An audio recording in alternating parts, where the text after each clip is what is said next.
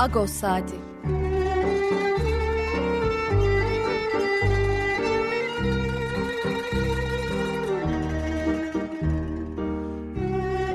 Haftalık Agos gazetesinin penceresinden Türkiye ve Dünya gündemi. Agos'un mutfağından haberler, söyleşiler, olaylar.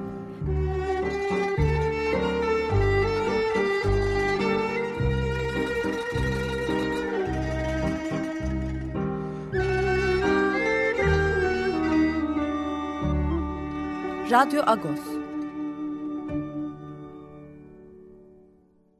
Radyo Agos'tan günaydın. Parlux, ben Yetvar Tanzikyan. Yeni bir Radyo Agos'ta karşınızdayız. Bugün 10 Haziran Cumartesi.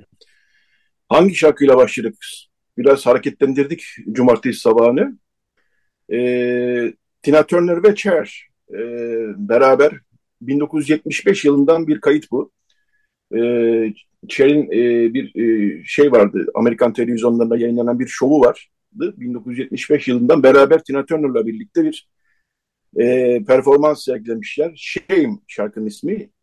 Daha doğrusu Shame, Shame, Shame. E, Tina Turner'ı e, 24 Mayıs'ta kaybetmiştik. Bu e, gündemin yoğunluğu içinde ona veda edememiştik. Bu şarkıyla bir, bir tane daha çalacağız e, program içerisinde. Tina Turner'dan bir şarkı. E, rock and roll'un kraliçesi dediler, rock and roll'un babaannesi dediler ama bütün etiketlerden e, bir tara et, bütün etiketler bir tarafa Tina Turner hakikaten çok neredeyse hepimizin hayatında yeri olan çok önemli bir sanatçıydı. 1939 yılında doğmuştu. Dediğim gibi 24 Haziran'da da kaybettik kendisini. Evet, e, Radyo Agos'a başlamış bulunuyoruz böylece. E, akışımız nasıl? Birazdan Pakrates Sükkan'la haftalık olan sohbetimizi yapacağız. E, ikinci bölümde Aylin Vartanyan e, konumuz olacak Parhesya inisiyatifinden. Onda Adrian Slang e, isimli e, fotoğraf sanatçısı, video sanatçısının çok ilginç bir sergisi var depoda. E, hafızaya ve kültüre, kimliğe yönelik bir sergi bu. Çok ilginç de fotoğraflar var. Biraz Ermeni kültür mirasına dair. Aydın Vartanyan'la bu sergiyi konuşacağız. Son bölümleri ekonomist Ali Ağoğlu, ekonomist olan Ali Ağoğlu'yla ekonomideki durumu, bizi neler bekliyor onu konuşacağız. Programımızın akışı kabaca böyle. Ee, günaydın Pakrat abi, parlıyız. Parlış Yetvar, parlış. Şimdi cahilliğime gülüyorum.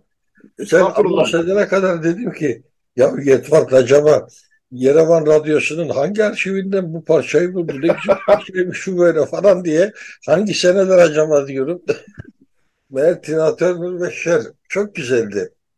Evet onlar bile çok yakın dosttular. Cher biliyorsunuz e, Ermeni bir aileden Amerika'da çok önemli yerlere gelmiş bir müzisyen ve onlar Cher ile Tina Turner e, yakında dosttular aynı zamanda. Hastalığı boyunca da e, Cher'in Tina Turner'ı ziyaret ettiğini biliyoruz. İkisinin beraber seslendirdiği bir şarkı e, hoşuma da gitti. Biraz da sabah sabah hareket katısı katsın dedik şeye, cumartesi sabahımıza. Dolayısıyla Tina Turner'da böyle bir veda e, ediyoruz bu programda. Biz kendimizce. Açık Radyo'da tabii ki edilmiştir. E, fakat abi sohbete şöyle başlamayı düşündüm. E, sen geçen hafta e, yoktun çünkü İmroz'daydın. Evet. İmroz, İmroz'da e, çok hoş bir e, mezuniyet törenine e, tanık oldunuz siz. E, Zakar, Zakar, Zakar Emildanoğlu da hatta beraberdiniz. E, oradan başlayalım mı e, Pakrat abi ne dersin? Çünkü sen anlattın hafta boyunca şeyde e, gazetede sohbetlerimizde yazdın da. E, evet e, doğrusun buna değindim. E, hatta geçtiğimiz pazar günü o haftanın hayı huyu programını Artı Televizyonu'nda yayınlanan programı da e, adadan katılarak çektim. Orada da bundan bahsettim.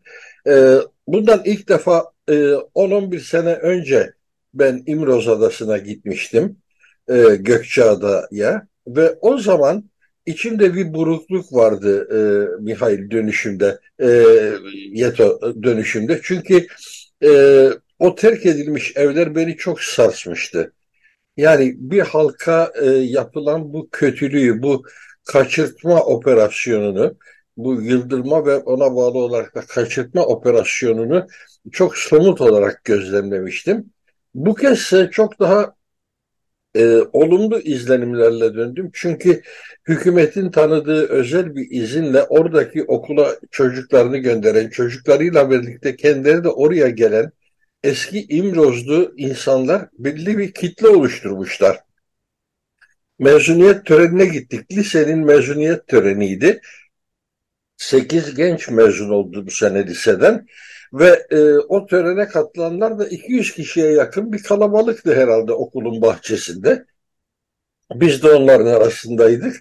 Bu sefer öyle bir izlenim edindim ki, edindim ki bu insanlar her şeye rağmen gene ana yurtlarına geri dönmenin gayreti içerisindeler, çabası içerisindeler. En azından orayı ayakta tutmanın çabası içerisindeler. Oradaki Rum varlığını korumanın, e, yok olmamasına engel olmanın çabası içerisindeler. Bilindiği gibi e, Ekümenik Patrik de zaten oralı Zeytinli köyünden. E, onun da çabalarının bir sonucu bu tablo. Ve çok duygulandım bu sefer. Olumlu anlamda. Geçen defa hüzünlenerek dönmüştüm. Hatta büyük bir laf etmiştim. Bir daha da gelmem buraya demiştim. Ee, ama bu sefer tam tersi izlenimlerle döndüm. Çok güzeldi bu. Bunu Stelio Berber e, sebep oldu o törene katılmama. Stelio Berber İstanbullu bir müzisyen, Rum bir müzisyen. İstanbul'dan tanıdığım bir isim. Adaya gittiğimizi haber alınca e, dedi ki mezuniyete mutlaka gelin dedi. Çok seviniriz gelirseniz. Biz de Zakar abiyle beraber gittik. E, dört kişi gittik o mezuniyeti izlemeye. Dört arkadaş gittik.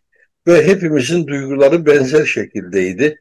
Tek kelime anlamadan bir buçuk saat e, Orrumca mezuniyet törenini izledik ama e, o izlence hepimize çok iyi geldi. E, fakat tabii burada bir politika da var tabii. Yunanistan'daki e, Yunanistan vatandaşları da son birkaç yıldır, e, belki de 5-6 yıldır, belki de 10 yıldır e, oraya gitmeye teşvik ediliyor. E, Türkiye hükümetinin de izniyle elbette. E, ve yani oradaki okul canlandırılması için hem Yunanistan e, hem Türkiye ama daha çok da Yunanistan e, bir gayret gösteriyor. Yani değil mi? Doğru mu biliyorum? E, doğru tabii. Tabii doğru. Yani orası Lozan'la çünkü e, belirlenmiş bir yerdi. Mübadelenin dışında tutulmuş bir yerdi. İstanbul ve İmroz Bozcaada farklı bir statüye tabi tutuldular. Buradaki Rumlar mübadeleye tabi tutulmadılar. Hatta e, Lozan Anlaşması'nda burası için çok e, özel yönetim uygulamaları da tanındı. Çünkü ada halkı bütünüyle Rumlardan oluşuyordu. Hiç Müslüman yoktu. Adadaki tek Müslüman e, postane görevlisi falan gibi insanlardı. O yüzden de oraya özel bir statü tanındı. Ama sonraki yıllarda e, şimdi Erdoğan ağzıyla konuşayım. CHP zihniyeti bu insanları yıldırmak için elinden geleni yaptı. Ve en sonunda da başarılı oldular. Demokrat Parti döneminde de başarılı oldular diyelim bir devlet politikasıyla bu aslında. Evet öyle olduğu için ben aslında CHP zihniyetine mal etmiyorum. Çünkü e, sonra Demokrat Parti'yi oluşturan kadroların tamamı Cumhuriyet Halk Partisi'nden oraya transfer olan insanlar. Hepsi zaten o saflarda siyaset yapan sonra CHP'den ayrılıp Demokrat Parti'yi kuran insanlar. Evet zaten bu işte darbeler döneminde de bu sürdürülen bir e, şey oldu, politika oldu ve oradan e, nüfusunu boşaltmak, Rum nüfusunu boşaltmak türünden bir e, politika uygulandı ve ne yazık ki bunda başarılı olundu büyük oranda. Şimdi orası tekrar Rum öğrencilerle şenlendi diyebiliriz, çoğaldı diyebiliriz. Bu açıdan da senin tanıklığını da ben kıskandım, ben gelemedim. Ama Yunanistan hükümetinin de oraya öğrenci gönderilmesini, gitmesini teşvik ettiğini biliyoruz. E, İmrozlar büyük oranı tabii yani Haydisi herhalde oralara dayananlar. E, tabii. dolayısıyla e, hoş bir e, tanıklık olmuş. E, gündemimize e, geçelim. E, bu da gündemimiz tabii de. Geçen hafta e, cumartesi günü oldu bütün bunlar. E, geçen cumartesi radyoda konuşulmadı dolayısıyla Ermenistan Başbakanı Paşinyan sürpriz bir kararla e, Cumhurbaşkanı Erdoğan'ın göreve başlama törenine, resepsiyonuna katıldı bir gün önce duyuruldu bu. Cuma günü duyuruldu zaten. E, cumartesi akşamı da baktık biz işte e, Beştepe'deki törene baktık. E, Paşinyan da oradaydı. Daha sonra resepsiyon e, oldu. Oraya e, Patrik Maşalyan da katıldı. Onlar zaten katılacaklardı. Genelde böyle e, törenlere katılıyorlar zaten. Protokoller anlamda. Ekümenik Patrik de oradaydı. E, işte Patrik Maşalyan, e, Ermenistan Başbakanı Paşinyan, e, Cumhurbaşkanı Erdoğan, e, AKP Milletvekili Sevan Sıvacıoğlu ve Karagözcan Vakfı Başkanı Dikran Gülmezgil'in bir arada olduğu bir fotoğraf basına yansıdı. E, ben Dikran Gülmezgil'le de görüştüm, bütün görüşmeler olumlu geçti e, dedi. Fakat Ermenistan'da eleştiriler var bir taraftan da. Yani hükümet bunu savunuyor tabii ama mu muhalefet e, diyebileceğimiz kesimlerde gerek yoktu buraya gitmeye. E, gitmez, gitmesek bir şey kaybetmezdik. E, eski Dışişleri Bakanı Vartan Osmanyer'in e, demeçini gördüm. E, gazetemizde de var bu hafta zaten. Ben kısalt, kısaltarak söylüyorum. Sen bir şeyler söylemek ister misin? Ne diyeceksin? Ee, Ermenistan e, Türkiye ile ilişkilerini canlı tutma konusunda, e, geliştirme konusunda istekli olan taraf. Türkiye ise bu konuda ayak sürüyen taraf. E, bu e, törene Paşinyan'ın katılmak istemesini ben sadece bununla açıklıyorum. Çünkü 30 yıl önce de Turgut Özal'ın cenazesine aynı şekilde Levon Bedrosyan katılmıştı mesela. Onlar arasında da kişisel bir diyalog hiçbir zaman neredeyse olmamıştı. Ee, aynen şimdi Paşinyan'la Erdoğan arasında da olmadığı gibi. Ama bu gerilimli ortamda, ortamda e, bir nebze belki de süreci ısıtmak için, hızlandırmak için yapılmış çaba olarak e, değerlendiriyorum. E, bence de gereksiz bir hareketti Paşinyan'ın e, Erdoğan'ın yemin törenine katılmak için Türkiye'ye gelmesi. E, eğer bu konuda resmi bir davet alındıysa devlet nezdinde e, o daveti çok iyi bir şekilde Rupen Rupinyan yani parlamento e, başkan yardımcısı ve aynı zamanda Türkiye-Ermenistan arasında e, ilişkilerin düzenlenmesi için e, özel görevli Rupen Rupinyan yapabilirdi. Biliyorsun Serdar Kılıç ve Rupen Rupinyan'a böyle bir görev tevdi edildi. Normalleşme sürecini yürütme konusunda bu ikisinin diyalog kurması, bu ikisinin e, yan yana gelerek yol haritası hazırlaması bekleniyordu. O istenmişti. Ama e, özellikle Serdar Kılıç'ın arkasında bir e, irade olmayınca bu süreci destekleyen bu çabalardan bir sonuç ne yazık ki alınamadı. E, 4-5 defa yan yana geldiler ama kayda değer dişe dokunur bir gelişme ne yazık ki sağlanamadı. Yani Ruben Rupinyan'ın gelmesi bir rahatsızlık yaratmazdı ama ortada neredeyse kol yok, yumurta yok e, gibi bir durumda e, Paşinyan'ın buraya gelmesi haklı olarak belli bir e, eleştirilere yol açtı Ermenistan'da. Ama Paşinyan'ın niyetini de anlamak mümkün. Dediğim gibi bu sürecin e, işlev kazanmasını, e, hız kazanmasını arzu ediyor. E, belki buna katkısı olur düşüncesiyle e, bu şeye geldi. E, yemin töreninde. Yemin töreni diyorum çoğu zaman dilimin ucuna taç giyme merasimi gibi geliyor. Sonra diyorum yok öyle değildi. Yemin töreniydi bu. Çünkü öyle Önce... bir protokol oldu. Yani pek alışık değiliz bu duruma. Ee, şimdi evet. üç ay önce İngiltere'de Prens Charles taç giyme töreninde bulundu. Ee, orada bu kadar tantana oldu mu ona bile emin değilim. Tabii ki bir e, davetler yapıldı, birileri geldi ama sanki burada bu iş daha da büyütüldü.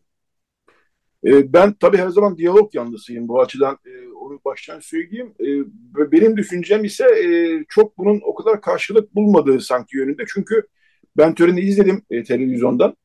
E, Erdoğan yani e, yemin töreni öğlen e, meclisi olmuştu. Göreve başlama töreni yani Beştepe'deki resepsiyon artı törende yaptığı konuşmada e, neredeyse herkesi saydı katılanlardan. E, Paşinyan'ı saymadı. Ben bunu paylaşacaktım e, sosyal paylaştım hatta. Sonra birileri dedi ki orada sadece cumhurbaşkanları sayılıyor. E, başbakanlar sayılmıyor protokoller olarak e, dendi. Aa, peki filan dedim. Sonra hatırladım ki aslında Pakistan başbakan düzeyinde katılmış ve Pakistan bayağı teşekkür edildi. Yani biraz e, çok da karşılık buldu mu Paşinyan'ın bu ziyareti? Ben dediğim gibi diyalog yanlısıyım her zaman için. Bütün geliş ziyaretlerin olmasının da taraftarım ama çok da karşılık bulmamış gibi görünüyor gibi bir hisse kapıldım ben e, Erdoğan'ın konuşmasından, törendeki konuşmasından. Onu da söylemiş olayım. E, hisse, devam... e, demin e, sözünü ettiğin o grup fotoğrafına bakarak da kat, e, kapıldım aynı hissiyata. O fotoğrafta e, şöyle çok mutlu görünen, neredeyse ağzı kulaklarına varmış gibi gülümseyen tek bir isim vardı. O da Sevan Sıvacıoğlu'ydu. Yani e, diğer hiç kimse e, gülümsemiyordu. Ondan önce Erdoğan ve Paşinyan'ın baş başa bir fotoğrafını gördüm el sıkışırken. Orada da Paşinyan gülüyordu, Erdoğan hiç gülmüyordu. Ben fotoğraflara biraz da bu gözle baktım. E, oradan da bir anlam çıkarmaya çalıştım. Gerçekten de fotoğraflar bu anlamda çok ilginçtir. Hatırlayalım e, yıllar öncesinde futbol diplomasisinden sonra e, gene bir e, fotoğraf verilmişti. E, bu sefer İsviçre'deydi o fotoğraf ve orada e, Hillary Clinton başta olmak üzere e, batılı ülkelerin devlet başkanları şunlar bunlar hepsinin ağzı kulaklarında o fotoğrafta e, ama gülmeyen tek adam vardı. Ermenistan Dışişleri Bakanı Edward Nalbantyan sanki dünya yıkılmış o da altında kalmış gibi. Hatırlıyorsun orada gene bir sürecin işletilmesi, Türkiye-Ermenistan ilişkilerinin normalleşmesi anlamında bir sürecin işletilmesine başta batılı ülkeler olmak üzere e, Rusya Federasyonu'nda dahil birçok taraf yan yana geldiler. Orada bir konferans düzenlendi.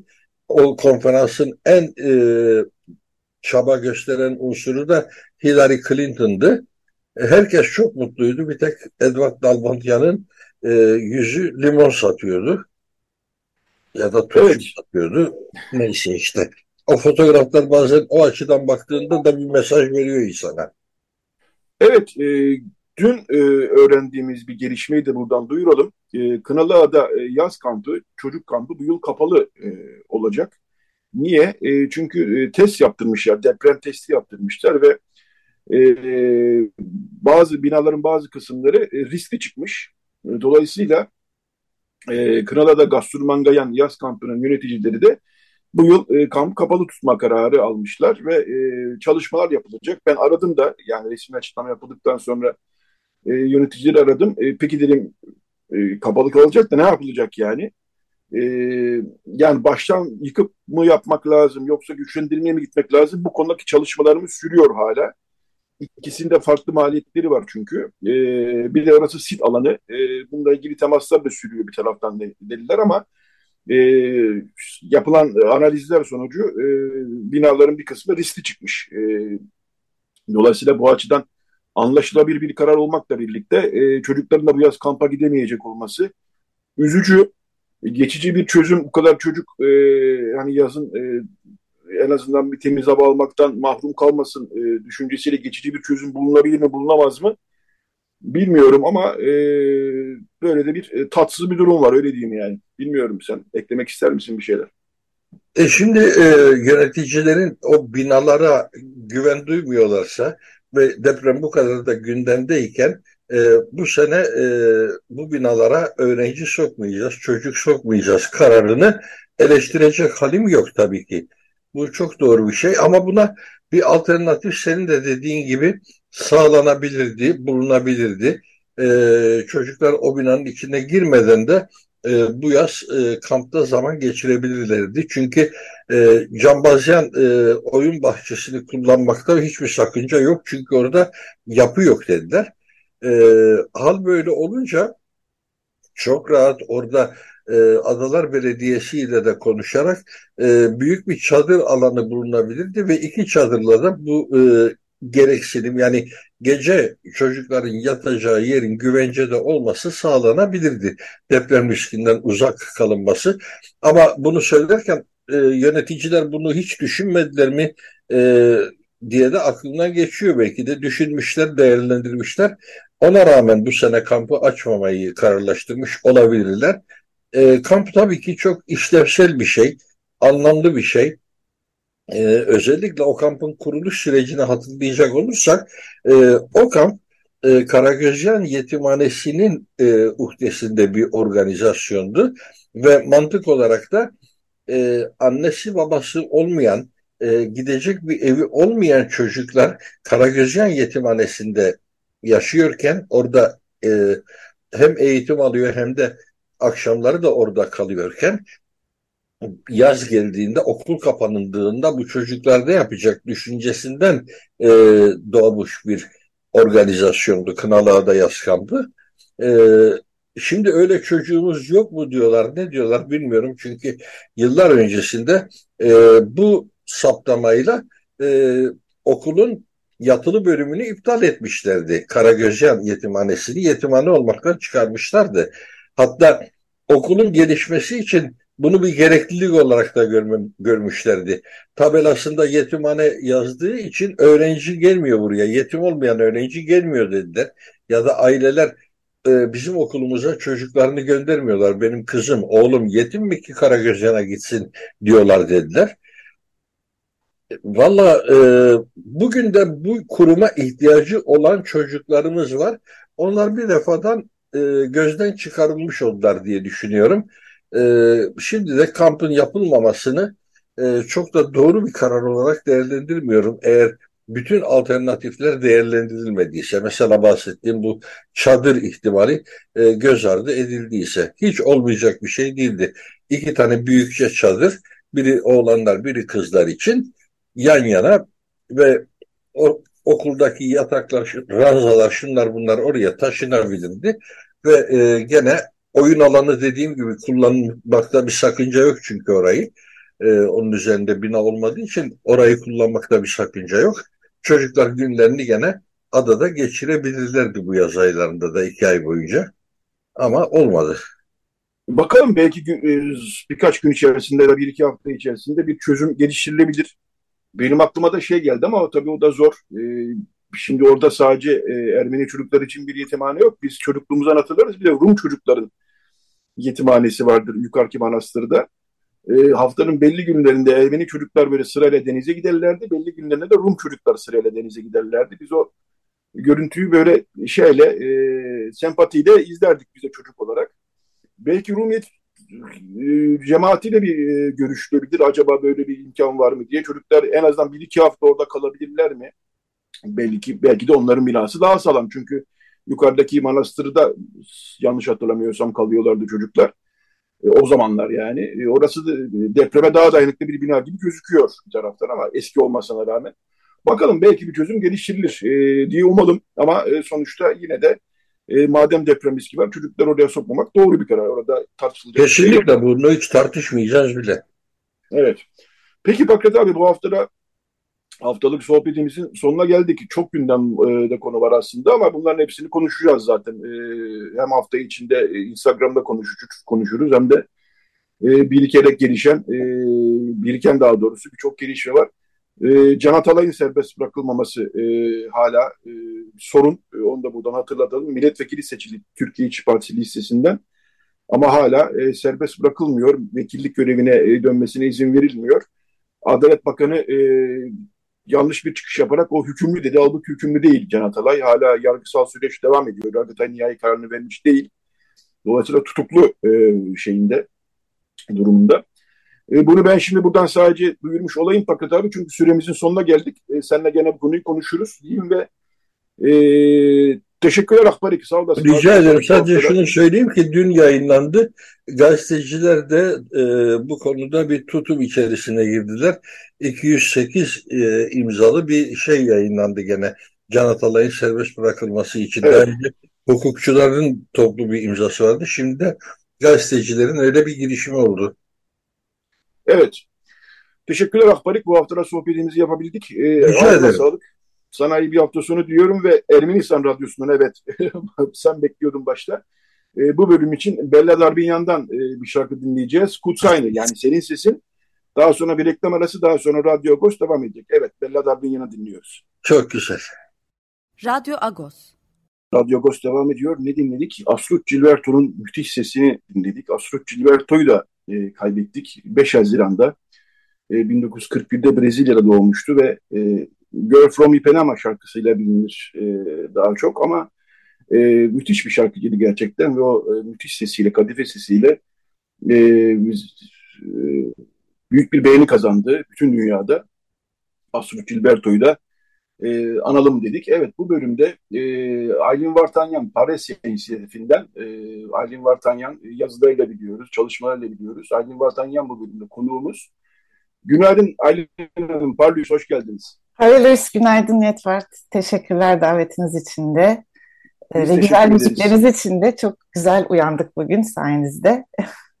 Teşekkürler, sağ olun. Ee, sizle e, Andreas Lang'ın sergisini konuşacağız. Bu hafta e, iki ayrı yazı hem sizinki hem de e, Neslihan Koyuncu Bari de e, sergi yazmış. E, gayet ilginç bir sergi olduğu belli. Bunu konuşacağız. Öncesinde kısacık bir duyuru yapmak istiyorum izin verirseniz. E, Nehna.org e, Antakyalı Ortodoksların e, oluşturduğu bir inisiyatif. Deprem döneminde biraz da büyük çalışmalar, çok önemli çalışmalar yapmışlardı. E, şimdi e, kermesler de yapıyorlar e, depremzedelere katkı olması için. İlk olarak İstanbul'da yapmışlardı e, Meryem Ana Kilisesi'nde. E, şimdi bu, bugün de Ankara'da e, Çankaya Belediyesi'nin katkılarıyla bir kermes e, düzenliyorlar. E, Ankara Dayanışma Evleriyle birlikte düzenliyorlar. E, 10 Haziran Cumartesi yani bugün saat e, 11 ile 7 arasında e, Çankaya'daki e, Yılmaz Güney sahnesinde e, bir kermes olacak. E, yöresel lezzetler kermesi e, depremden etkilenen, öğrencilere dayanışmak amacıyla düzenleniyor bu kermes. Biz e, Ağustos hem internet sitesinden hem de gazetede buna yer vermiştik. E, radyoda da duyurmuş olalım dedik. E, Ankara'da olanlar, e, vakti olanlar e, katılabilirler. Tekrar edeyim. E, Çankaya'daki Yılmaz Güney sahnesinde düzenleniyor bu kermes. Bugün saat 11 ile 7 arasında. Evet Aylin Hanım, e, Andreas Land'ın fotoğraflarını gördüm ben. Hakikaten çok e, çarpıcı fotoğraflar e, ilginç fotoğraflar. Türkiye'nin hafızasına e, yönelik fotoğraflar. Siz e, serginin e, broşürünü hazır yanlış bilmiyorsam eğer e, sergi hakkında bir yazı yazmaya davet edilmiştiniz. Dolayısıyla daha yakından biliyorsunuz e, sergiyi. E, sergi için neler söylersiniz? Nasıl bir sergi ve e, depoda sergileniyor to, e, Tophane'deki? Ben sözü size bırakayım. Peki, çok teşekkürler. Öncelikle e, bu haftaki e, yazıda serginin 24 Haziran tarihine kadar izlenebilir olduğunu yazmıştım ama sergi 14 Temmuz'a kadar uzatıldı. Bu güzel bir haber. Sergiyi görmeyenler için de yeniden bir davet e, olabilir bu. E, bayağı bir uzatıldı. Andreas Lang'ın Kırık Hatıralar başlıklı fotoğraf sergisi e, 18 Nisan tarihinde e, açıldı depoda. Refik Akyüz ve Serdar Darendililer'in e, küratörlüğünde oldu sergi öncesinde Asena Günal tarafından bu fotoğraflara bir yazı yazmam istendi. Ee, çok da meşgul bir zamanımda ama fotoğrafları görünce ne yapıp edip e, bu fotoğraflarla bir bağ kurmam gerektiğini, bunlar üzerine düşünmem gerektiğini hissettim. Bir hisle başladım açıkçası. Ee, ve hakikaten de e, fotoğraf yelpazesi sadece e, şeyle kısıtlı değil. Yani Ermeni mirasıyla, e, harabeleriyle kısıtlı değil. Aslında bu harabelerle ilgili nasıl hibrit oluşumlar e, yapıldığıyla da ilgili. Ben yazımda daha çok e, Türkiye'de yaşayan Ermeni bir kadın olarak bu e, harabelerin bendeki etkileşimini anlatmaya e, çalıştım birazcık. E, feyz aldığım başka bir e, yaklaşım da tabii ki sevgili Nazlı, Nazlı Temir Beyleryan'ın Paris'e kolektifte de kendisini ağırlamıştık geçen sene Haziran ayında. Hafıza kırım kavramıyla da ilgili oldu. Ee, bu müthiş e, güzel fotoğrafların içinde e, yalnız kalmış, vakur bir şekilde ayakta duran e, harabeleri görüyoruz. Bu harabelerin ne yok edildiğini görüyoruz ne de hayata devam ettiğini görüyoruz. O boşlukta kalmış bir e, mimari eser gibi çok çarpıcı bir şekilde e, bizi daha yakından bakmaya davet ediyor. E, Andreas Lang'la konuşmalarımızda bu e, fotoğrafları çekmek için uzun bir yolculuğa çıktığını e, ve birazcık da sezgilerini takip ederek fotoğrafları çektiğini e, anlattığını e, paylaşmıştı paylaşmıştı benimle ve o sezgisellikte de e, neredeyse hani e, bu coğrafyadaki bu topraktaki bir hikaye takibine doğru gittiğini hissetmiştim. Bir e, ne diyeyim bir harabeden diğerine doğru giden bir yol ve bir, bir hikayenin oluşmamış, e, şekle girmemiş bir hikayenin takibini e, şekil vermek istediğini hissetmiştim aslında onun anlatısından bunu anlamıştım. Benim de kendine sorduğum soru şu oldu e, açıkçası e, Türkiye'de yaşayan birisi olarak hiç buralara da bazı yerlere de gitmişliğim de var. Neden buradaki hikayelere vakıf değilim? Neden bu hikayeler yok oldu? Tabii ki bir sosyal ölüm söz konusu. Bu sosyal ölümle beraber e, karşıma e, başka bir e, kavram da çıktı. E, sosyolog Orlando Patterson'ın doğuştan yabancılaşma kavramı çıktı. Bu da bir bireyin e, sosyal ölüm e, deneyimleri yoluyla e, geleneklerinden, kültürel mirastan, değil din, ekonomik mirasından, toprakla olan ilişkisinden e, ve tarihsel bellekten e, kopması, yabancılaşması anlamına geliyor. Bir mesafe anlamına geliyor. Andreas Lang'ın fotoğrafları bu mesafeyi kapatan e, ve bu hikayeleri beni yakınlaştıran bir alan açtı. E, o yüzden de yazmak istedim. E, o yüzden de ayrıca e, Parisiya'daki yaptığımız okumalar, düşünmeler üzerinden de Agos'a aktarmak istedim. E, çünkü evet. Durayım Çok burada. da iyi yaptınız. Ee, yazınızda kullandığımız bir fotoğrafı var Andreas Lang'ın zaten. Surp Sarkis, Diyarbakır'daki Surp Sarkis harabelerine dair bir fotoğraf bu. Çok da etkileyici gerçekten. Ee, bu dediğiniz önemli. Yani İstanbullu Ermenilerin, şimdi tabii Andreas tek odak noktası Ermeni kültür mirası değil sizin de söylediğiniz gibi ama e, biz tabii daha çok bunlarla da biraz ilgilenmiş oluyoruz bu sergiye bakarken. Videolar da var ayrıca sergide. E, fotoğrafları bakarken tabii şunu da hep aklımıza tutuyoruz. E, yani sizin de altını çizdiğiniz konu bu. E, İstanbul'da Ermeni olarak aslında biz biraz e, uzağız. Yani e, ister istemez uzak kalıyoruz. Çünkü oraya sık sık gitmek, gelmek, gitsek bile o harabeleri görmek filan e, bir e, iş e, haline geliyor. Çünkü e, yaşamayan şeyler onlar. Yani e, Diyarbakır'da, Erzincan'da, Elazığ'da, Sivas'ta, Kayseri'de, Muş'ta, e, Bitlis'te e, o kadar çok harabe var ki aslında Ermeni kültür mirasına dair. E, burada tabii Sarkis Seropyan'ı anmak lazım. O e, öncü olduğu Hacer ve tabii ki öncü oldukları gezilerle İstanbul'daki Ermeni toplumunu oraya e, işte otobüs gezileri, uçak gezileriyle Van bilhassa e, buralara e, göstermek, tanıtmak için büyük çabalar sarf etmişlerdi. E, ve tabii oradaki bütün harabeleri gördükçe insan karmaşık duygulara tabii saplanıp kalıyor ister istemez. Oradaki zenginliği görüyoruz zamanında. O zenginliğin şimdi artık çürümekte, harap olmakta olduğunu görüyoruz ama o harabeler, binalar, kiliseler e, direniyor bir taraftan. O da ayrı bir etkileyici e, durum. E, buralarda bizi epeyce bir düşünmeye sevk ediyor galiba. Ne dersiniz? Kesinlikle öyle ee, ve e, evet Sarkis Serapyan'ı burada anmak çok güzel olur. Ben maalesef hiçbir gezisine katılamayan e, bir kişi olarak çok e, daha bir hüzünle anıyorum şu anda onu.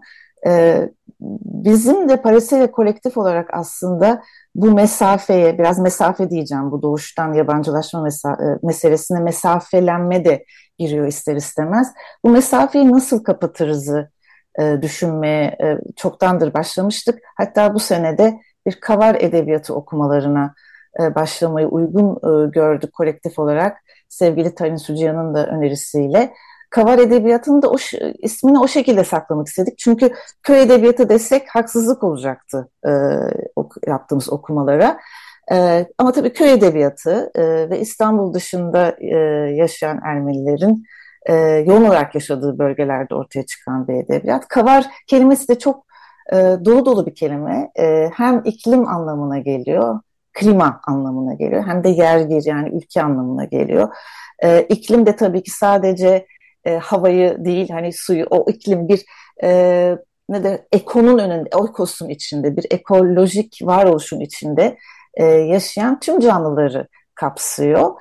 Ve bizim bu yaptığımız okumalarda da e, o mesafeyi kapatmak, oradaki o can, sizin de bahsettiğiniz o cansızlık, hani sosyal ölüm diyebileceğimiz bir kayıp, onu tekrar gözlerimiz önünde canlandırmak, o bağ kurmak aslında amacımız. O diyaloğa girmek, o kayıp hikayeleri tekrar e, bu okumalar üzerinden canlandırma amacını taşıyoruz.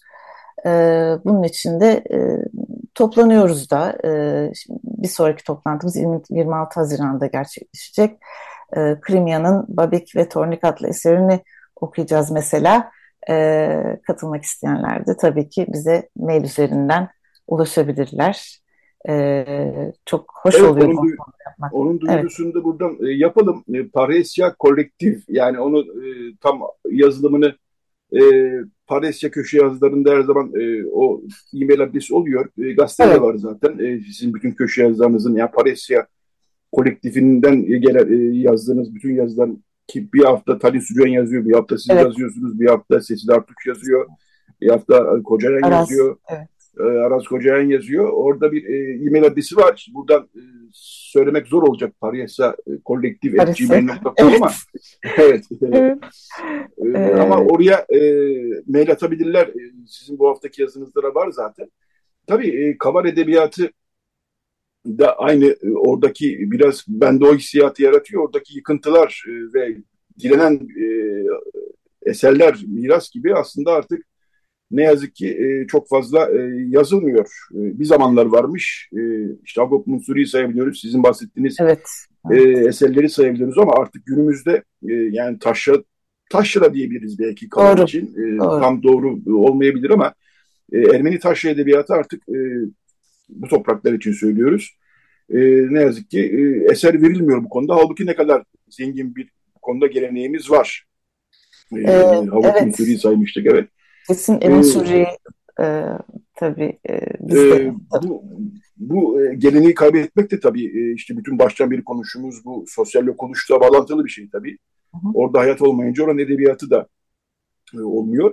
E, kabar edebiyatında e, bahsettiniz gerçi ama e, neler yapmayı düşünüyorsunuz? Yani bir okuma ve tartışma gibi bir şey mi? Onu biraz daha çekeriz ee, belki. Tabii okuma ve tartışma e, yapmayı e, yapmaya da başladık aslında. E, okumalar, e, değişik e, ülkelerden katılımcılarımız da oldu. O da zenginleştirdi tartışmamızı. Tabii eserler Ermenice yazıldığı için Ermenice yapıyoruz bu görüşmeleri, okumaları da. E, bu eserlerin çoğu Ermenice yazılmış, orijinali Ermenice. Ermenice okuma yazma konusunda daha kendini rahat hisseden ama tartışma konusunda bazen başka dillere de kayabildiğimiz buluşmalarımız oluyor ama daha çok Ermenice e, yürütüyoruz bu görüşmelerimizi.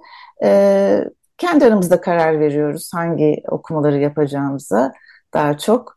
E, ve öğret daha çok öğretmenler katılıyor, eğitim alanında olanlar katılıyor. Parisiye kolektifi üyeleri katılıyor. Biz de üyeler olarak çok geniş bir yelpazeden bakıyoruz bu okumalara. Aramızda sosyolog, tarihçi, mimar, edebiyatçı, eğitimciler var. Çok güzel oluyor bu farklı bakış açılarından bir edebi esere de bakmak. Çok zenginleştirici oluyor. Bunların sonunda hani bir üretim yapar mıyız, bir yazı yazar mıyız henüz karar vermedik ama herhalde e, sizin haberiniz olur bir yazı yazarsanız. Evet. Gelir bunun e, ürünü diyeyim. Evet, evet. E, bu anlamda e, bu konularda yapılan tüm çalışmalar çok önemli, e, çok da kıymetli. E, yani çünkü e, var olan zengin bir gelenek var ve bu geleneği gerçekten ne kadar konuşsak, yaysak, e, yeni gelen kuşağı tanıtsak o kadar önemli, e, iyi diye düşünüyoruz. Bu anlamda e, kolaylıklar diliyorum size bu çalışmalar içinde. Çok, çok, çok da iyi bir, çok da iyi iş yapıyorsunuz. Sağ olun. Evet, e, yavaş yavaş sohbetimiz, sizin de saat 10'da bir programınız var. Evet, Biliyorum. Çok evet.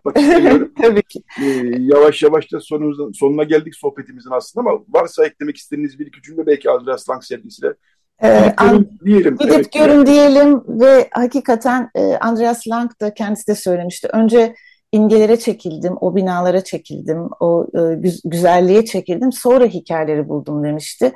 E, hikayeler ilk başta çıkmayabilir sizin için. E, onu araştırmaya da belki davet etmek iyi olur.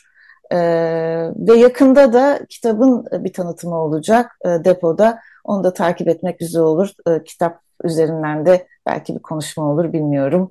Bakabiliriz oraya da. Bir ekleme daha yapmak istiyorum. Bütün ki. Parasiye kolektif olarak yaptığımız çalışmaların bir sonucu olarak da sevgili Tamar Gürciyan e, üyelerimizden e, kendisi mimar, Berlin'de mimarlık oluyor, okuyor. Teknik Üniversitede mimarlık okuyor. O da Gaziantep'teki Surp Asfazin Kilisesi üzerine müthiş bir tez yazdı. Bütün bunlar olurken e, iki gün evvel onun tezini de gidip dinlemek çok çarptı hepimizi. Çok olumlu anlamda çok mutlu olduk. E, yine bir sosyal ölüme veya uzaklaşmaya, doğuştan yabancılaşmaya karşı e, hikayeleri canlandırma tezi diyebiliriz onunkisi de ve mimarlık bakış açısından tabii ki çok e, güzeldi. Onu da burada belirteyim ve tekrar tebrik edeyim kendisini. Evet, biz de tebrik edelim ve tezi de inşallah yakın zamanda biz de e, okuyabiliriz. Çok Kesinlikle. Kesinlikle. Sağ olun. Peki, evet Paris'e kolektifinden Aydın Vartanyan konuğumuzdu. Kendisiyle e, depoda e, hala e, izlenebilen, görülebilen Andreas Lang'ın e, sergisini, e, Kırık Hatıralar sergisini konuştuk. Oradan yola çıkarak başka konulara da tabii e, girdik. E, çok teşekkürler Aydın Vartanyan. E, dediğiniz gibi e, sergi bu arada e, 14 Temmuz'a kadar uzatıldı. Onu da söyleyelim. Evet, 14 e, Çok teşekkürler yayına katıldığınız için. E, ben teşekkür sağlık. Sağ e, olun. E, iyi bir hafta sonu diliyoruz size. Size de iyi hafta sonları. Hoşçakalın. Teşekkürler. E, evet, bu bölümü de bir şarkıyla kapatacağız ama o şarkıya gitmeden bir e, duyurumuzu da yapalım. E, Açık Radyo'nun dinleyici destek projesi sürüyor. E, geçen cumartesi başlamıştı. E, 9 gün sürüyor e, geleneksel olarak Açık Radyo'nun e, dinleyici destek projeleri. E, yani bilmeyenler yoktur herhalde ama gene de burada söyleyelim. E, Açık Radyo'ya destek olabiliyorsunuz. Programlara sponsor olabiliyorsunuz. E, sisteminiz miktarda Açık Radyo çünkü dinleyici desteğiyle var olan bir e, radyo. E, ne mutlu ki böyle. E, dolayısıyla 0212 343 41 41 e, nolu telefonu arayarak e, bizim program bittikten sonra e, bilhassa e, telefonu arayarak e, Açık Radyo destek verebilirsiniz. E, programa e, küçük de olsa ya da büyük de olsa fark etmez. E, maddi destek de olabilirsiniz, sponsor olabilirsiniz. E, özetle Açık Radyo Dinleyici Destek Projesi programı yayınları e, devam ediyor. E, şarkıya gitmeden bir iki not da aktarayım bu haftaki Ağustos'tan. E, her salı Bomonti'de e, kadınların e, emeklerini sergilediği bir pazar var. E, Feriköy Pazarı'nın kurulduğu yer orası her hafta, her gün aslında. Başka başka pazarlar da açılıyor. Sadece bildiğimiz bir pazar değil. E, Salı günleri de e, Şişli Belediyesi'nin katkılarıyla e, kadınlar e, el emeklerini sergiliyorlar o pazarda. E, bu hafta arkadaşımız İşer Erdinç bir röportaj yaptı orada kadınlar arka sayfamızda var. E, onlar da hem e, duyulmak istiyorlar biraz daha fazla hem de destek bekliyorlar. E, dolayısıyla salı günleri e, Bomonti'deki e, kadınların el emeği pazarını ziyaret edebilirsiniz. Ayrıca şunu da söylüyorlar. E, elinde e, el ürün olanlar varsa da ayrıca onlar da katılabilirler bu pazara diyorlar. E, bu haberimizden biraz bahsetmiş olayım. E, Hanriye Topuzyan Basroğlu e, Mekanlar ve Hikayeleri e, serisine devam ediyor. O da bu hafta e, Yorgo Zarifi, e, Osmanlı'nın son dönemine damga vurmuş önemli isimlerden, Rum toplumundan önemli isimlerden birisi. Sultanlarla yakın ilişki içerisinde olmuş. Onun e, Tarabya'daki yalısını ve Yorgo Zarifi'nin ilginç çarpıcı hayat hikayesini e, kaleme aldı. Yorgo Zarifi'nin Tarabya'daki yalısı e, aslında bir koca bir arazi ve orada bir köşk de varmış. Ve e, o zamanlar e, 1800'lerin sonlarından bahsediyoruz. Muz ve ananas tarlaları e, orada üretmiş, seralar üretmiş. Onlar ne yazık ki şimdi yok artık. E, bu e, serinin bu son makalesinde tavsiye ediyoruz elbette. Evet artık bir şarkı arası vermenin zamanı geldi. E, bu bölümde e, tabii Radyo Göz devam ediyoruz saat ondan sonra. E, Ali Ağoğlu, ekonomist Ali Ağoğlu konumuz olacak. Sonunda ekonomideki son durumu neler bekliyor bizi onları konuşacağız. E, son bölüme, e, 10'daki son bölüme gitmeden önce Mercedes Sosa dinleyeceğiz. Daha önce çalmıştık Mercedes Sosa'yı. Mercedes Sosa'nın Alfonsina El Mar şarkısını biz e, Bahri Belen'in de e, katkısıyla arkadaşımız Hakan Bakırcıoğlu'na ithaf ettik ve onu anmak istediğimizde bu şarkıyı çalıyoruz. Çünkü Hakan Bakırcıoğlu çok genç bir yaşta e, kaybettik. E, din kardeşinin avukatı e, idi, e, gazetemizin avukatıydı. Bunların ötesinde arkadaşımız, dostumuz, yoldaşımızdı. Geçtiğimiz günlerde onun e, kırkı vardı e, Balıklı Ermeni mezarlığında. Orada da Hakan e, andık çok erken bir ölüm, çok e, zamansız bir ölümdü açıkçası Hakan Bakırcı. O da hala biz o e, kaybı atlatabilmiş değiliz. Ailesine tabii ki buradan bir kez daha sabır diliyoruz. E, Bahri Belen onu anarken e, Arjantinli bir şair için, Alfonsina Stormi için yazılan bir şarkıyı e, dan bahsetmişti. O şarkıyı da biz kaybettiğimiz hafta çalmıştık. Şimdi 40 vesilesiyle, geçti 40'ı gerçi ama olsun. 40 vesilesiyle Mercedes Sosa'nın Alfonsina Elmar'ı dinleyelim. Daha sonra reklam arası, daha sonra Radyo Agos devam edecek. Radyo Agos. Radyo Agos devam ediyor. Artık son bölümdeyiz. E, bu bölümde ekonomiyi konuşacağız. Konuşmamak olmaz çünkü e, yani zaten e, son 2-3 yılımıza e, daha fazla hatta damgasını vuran bir durumla karşı karşıyayız. Bir enflasyonist ortam belki teknik olarak kriz diyemiyoruz buna, ekonomik kriz diyemiyoruz ama çalkantı içindeyiz ve dar gelirlerin çok zorlandığı bir sürecin içerisindeyiz. Enflasyonist ortam hakikaten zorluyor herkesi. E, şimdi seçim oldu. Seçimden sonra ne yapılacak diye bakılırken e, Hazine ve Maliye Bakanı Mehmet Şimşek e, görev kabul etti. E, Mehmet Şimşek e, 2000 e, o, e, AKP'nin daha önceki dönemlerinde bakanlık yapmış ve uluslararası sermaye çevreleriyle de arası iyi bir isim. Acaba e, bu enflasyonist ortamı değiş yaratan politikalardan bir dönüş mü yapılacak dendi. Şimdi ekonomist Ali Ağoğlu e, konuğumuz. E, günaydın Ali Bey, hoş geldiniz yayınımıza. Günaydın Yetvet Bey, hoş bulduk. İyi yayınlar, kolay ee, gelsin. Ali, teşekkürler. Ali Ağoğlu ekonomist bundan bir 10 sene kadar önce sürekli müteahhit Ali Ağoğlu ile karıştırılıyordu ve bundan çok muzdaripti. Fakat gelen geçen süre içerisinde artık Ali Ağoğlu deyince ekonomist Ali Ağoğlu'nu anlıyoruz. Ee, öyle bir de e, gelişme oldu ekonomiyle bağlantılı olarak. Dolayısıyla ben gene de ekonomist Ali Ağoğlu ile konuştuğumuzu e, burada altını çizeyim. E, üstadım şöyle başlayalım istersen. E, ya daha doğrusu şunu anlamak istiyoruz e, teknik olarak veyahut da e, bizim hepimizin anlayacağı şekilde. Seçimden önce biz ne yaşadık ve niye bu hale geldik? Seçimden sonra ne yapılacağını başka ikinci soruda soracağım sana ama e, seçimden önce biz nasıl bir şeyin içerisindeydik? Ne yapıldı da biz bu hale geldik diye e, öyle başlayayım istersen. Ya günaydın diyeyim tekrar e, biraz uzun bir hikaye diyeceğim. Hani dünya toz bulutundan başlamayayım ama 2-3 e, yıldan biraz daha öncesi var. E, nedir daha öncesi? Aslında bu 2012-2015 özellikle 2015 diyeceğim. Şimdi o kadar da eski ne yaptık? Biz bu kadar şey yapacağız. Bugüne etkileyecek dediğimiz zaman o zaman e, hani geçmişteki yapılan işlerin hep bugünü oluşturduğunu düşündüğümüzde o gün atılan e, adımlar bugününkü ortamı hazırladı. Şimdi bunların en başında çok ilginç gelecek ama e, hukukun üstünlüğüyle ilgili ortaya çıkan temel sorunlar başladığında diyeyim yabancı yatırımcılar Türk piyasasından 2015 yılı Mayıs ayıdır benim için milat oradan itibaren çıkmaya başladılar. Şimdi bu Türkiye'ye olan genel bakışın değiştiği ki bu çıkış yabancı çıkışından bahsettiğimde şu borsadaki kalıcı uzun vadeli yatırım fonları çıktırmaya başladılar. Bu tamamen ülkeye bakış, ülkeye güvenle ilgili e, yöntemlerini kullandıkları bakış açılarının tamamen değişmesi ve artık yavaş yavaş Türkiye'nin değişmekte olduğunu gösterdi.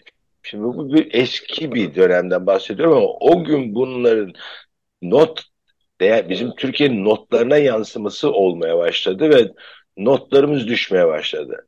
Biz ne yaptık? Ey Fitch diyerekten bunları çok kale almadık. Süper. O gün yaptığımız işler bugün bir takım sonuçlar doğuracağını söyledik. Pek fazla dinletemedik. Geçtim. Sonrasında özellikle damat e, Berat Albayrak bakan olduktan sonra da önemli bir söylem değişimi oldu. Eylemde çok fazla değişim olmadı aslında bakarsanız ama söylem değişimi bu söyleme de yeni eylem biçimleri eklendi. Ne oldu? Biz dünya ekonomisine 85 milyonluk mükemmel bir deney hediye etmeye karar verdik. Biz vermedik aslında, hükümetimiz verdi.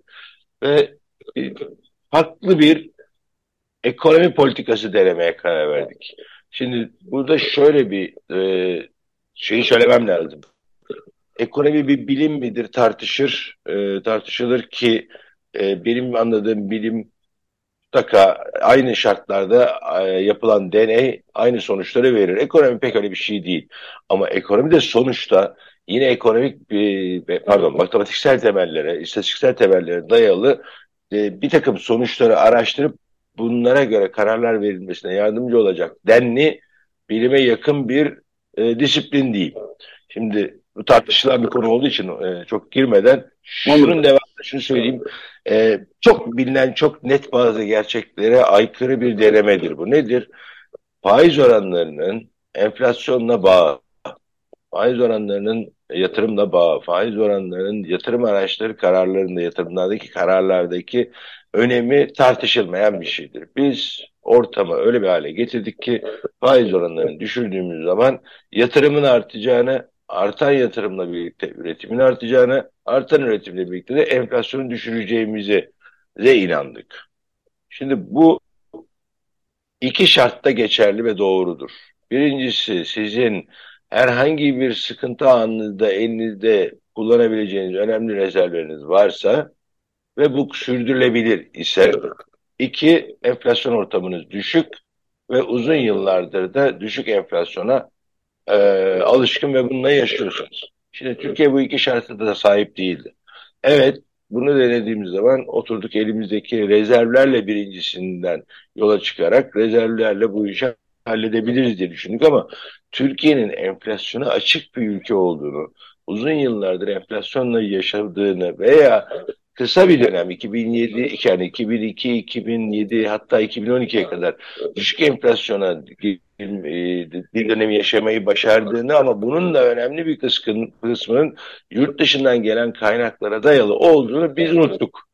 Biz yaptık da oldu diye düşündük. Hayır onlar dışarıya verdiğimiz güvenle Türkiye'ye giren kaynaklarla giren ucuz döviz veya e, finansman imkanlarıyla biz Türk lirasını uzun süre yatay seviyelerde korumayı başardık.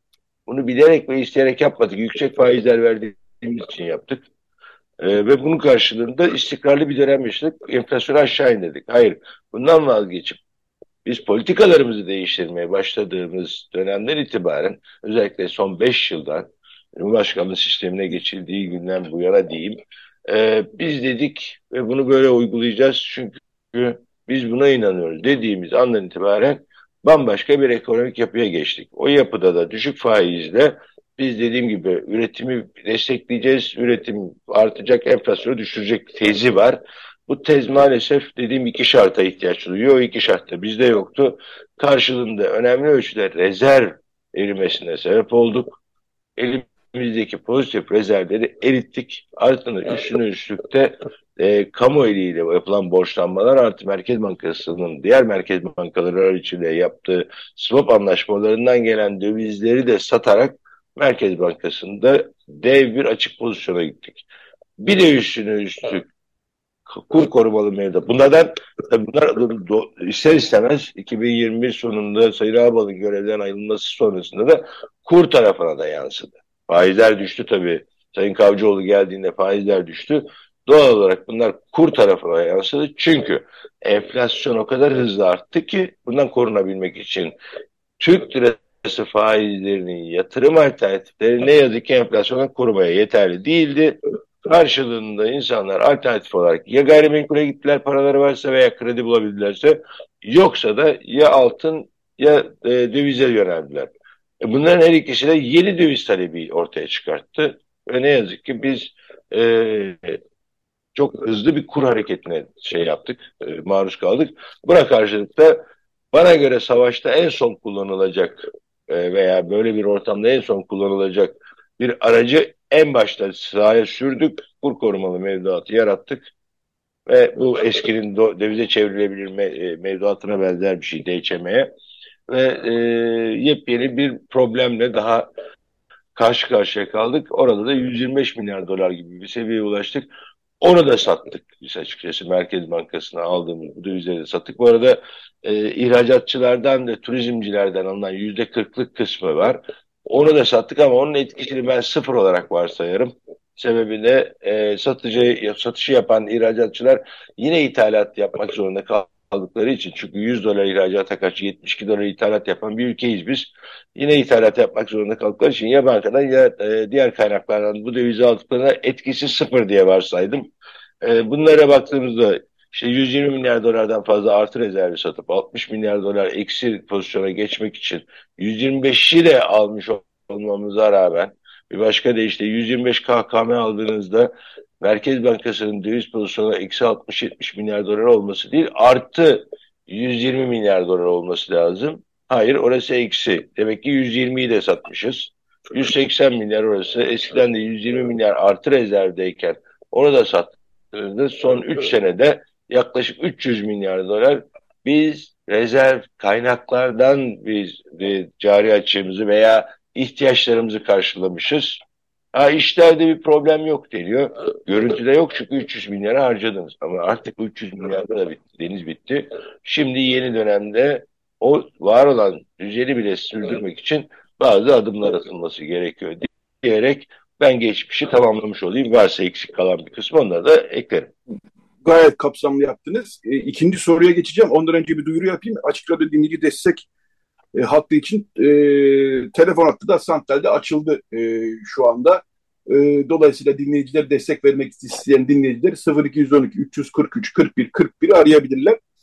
Şimdi e, son e, 7-8 dakikamız aslında ama e, şunu da sorayım. Peki şimdi bu bahsettiğiniz e, programın yükünü çok büyük oranda tabii dar gelirliler, çalışanlar, e, orta sınıf diyelim veyahut da çekti, e, çekiyor da hala. Şimdi Mehmet Şimşek'in getirilmesi e, hükümet tarafından e, biz yanlış yaptık manasına mı geliyor? Mehmet Şimşek'in rasyonel politikalara dönmekten başka çaremiz yok demesi yanlış yaptınız manasına mı geliyor? Düzeltmek için atılacak adımlarda yükü yine e, dar gelirlerin orta sınıf mı çekecek diye birbiriyle bağlantılı üç soru sorayım size Ali Beyciğim. E, müsaadenizle sondan başlayayım. E, evet dar gelirliler e, için bir iyi haberim var. Kötü günler geride kaldı. Bir kötü haberim var. Daha kötü günler bizi bekliyor. Yani üzgünüm çünkü e, birikimli bir problemden bahsediyoruz. Şu atlandı yani kur yönetimi sırasında da aynı problem ortaya çıktı. Bu bir e, stok problemi olarak algılanır. Stok problemi yani akut bir problem gibi algılanır sağlık itibariyle konuştuğumuzda sağlık şeklinde. Ee, bir seferlik bir problem biz bir şeyi halledersek sonra o bittiğinde bir daha bir sorunumuz kalmayacak dendi. Hayır öyle bir durumumuz yok. Döviz ihtiyacı ve Türkiye'nin dinamik ekonomisi e, için bu döviz akışının flow dediğimiz döviz akışının sürekli devam etmesi gerekiyor. Yani kronik hale gelmiş bir probleme çevirdik biz bu işi. Zaten kronik bir problemimiz vardı. Bütün elimizdeki imkanları bir seferde harcayınca, bir sefer derken üç yılda harcayınca bu işi biz kronik bir problem haline getirdik. Bunun çözümü hayli zor. İkinci sorunuzda gelince yeni bir takım şeyler yapılması lazım mı konusuna birincisiyle yani son sorusunu sorunuzda ba bağlantıyı bağlı bağlayayım şöyle ki e, kur korumalı mevduat mesela önemli bir maliyet getirdi. Daha da getirecek. Çünkü kur kısmı yeni artmaya başladı. Daha da getirecek. Bu gidecek bütçedeki harcanabilir kaynakların çok önemli bir kısmını e, kur korumalı mevduat sahiplerine verecek. Ya aslında çok tatsız bir durum ama fakirler için kullanılabilecek veya dar gelirler için kullanılabilecek bir kaynak parası olan insanların kur garantisini vermek için öteki tarafa aktarılacak. Bu, bu oldukça maliyetli bir borçlanma bu arada. Çünkü ne kadar olduğunu bilmiyoruz. Sadece kur üzerinden hesapladığımızda o bahsedilen faizle mücadele adı altında yürütülen programın karşılığında faiz adı altında olmamakla birlikte çok önemli bir maliyet yani kur koruması vesaire adı altında başka bir kesime aktarılmış durumda. Şimdi bunun bütçeye getireceği yük doğal olarak hepimizi etkileyecek tartışmasız. Ee, Sayın Şimşek geldiğinde dediği gibi bu rasyonel politikalara döneceğiz. Bir öncekiler irrasyonel mi dediğinizde ben son atama yani çok net bir şey söylüyor. Merkez Bankası Başkanı e, Hafize Gaye Erkan'ın atandığı bu Mehmet Şimşek'in getirdiği piyasaya sunduğu bir isim. E, Sayın Cumhurbaşkanı'nın onu atarken karşılığında e, faizleri 8,5'a indiren ve o bu eski politikanın en büyük uygulayıcı ve savunucusu olan Şahap Kavcıoğlu da BDK'nın başına atadı. Şimdi burası hakikaten zaten dünkü piyasa tepkileri de bunun kafa karıştırıcı olduğunu çok net ortaya koyuyor. Eğer belli bir e, yöntem veya politika değişikliği var deseydiniz o zaman her iki ismin de birbiriyle uyumlu politikaları temsil ediyor olması gerekirdi. Gerçi Gaye Erkan'ın nasıl bir para politikası izleyeceğini bilmiyoruz. Yani o çünkü orada da özel bankacılık deneyiminden gelen birisinin merkez bankacılığına bakış açısı farklı olabilir veya bu konuda deneyimi olmadığı için bunun oluşması biraz zaman alabilir.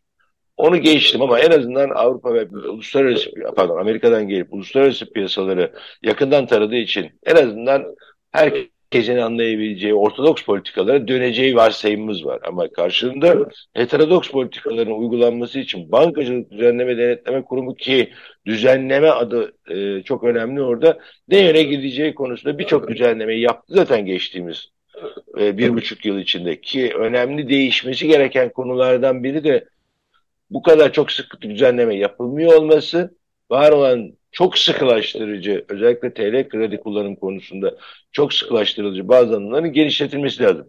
E, eski ekol veya eski politikanın temsilcisi BDDK'da, yeni politikanın temsilcisi Merkez Bankası'nda bunlar Mehmet Şimşek'in altında nasıl uyumlu çalışacaklar? Hepimizin kafasında hakikaten çok ciddi bir soru işareti bu. Şunu anlatmak isterim net bir politika değişikliği işareti ilk hamleden gelmedi. Anladım. Bundan sonraki gelecek hamleler de yerel seçime kadar mı bu işi götüreceğiz? Yoksa gerçekten bu ülkede çok önemli bir değişiklik gerekiyordu. Biz onu yapıyoruz mu? Bunun hangisi olduğunu anlayacağız. O yüzden bir süre daha e, acılı günler bizi bekliyor diyeyim. Evet, e, seçimden önceki tablo e, dar gelirliler, çalışanlar için parlak değildi. Seçimden sonraki tablo da dar gelirliler ve çalışanlar için parlak gözükmüyor. Bir istikamet e, mesajı alınamıyor belli ki. Gerek Türkiye toplumu açısından gerekse de e, Türkiye'ye yatırım yapmayı düşünenler açısından e, işte fiziki ve hatta parasal yatırımlar yapmayı düşünenler açısından. Dolayısıyla sizin de söylediğiniz gibi e, Ali Ağoğlu zor günler bizi bekliyor.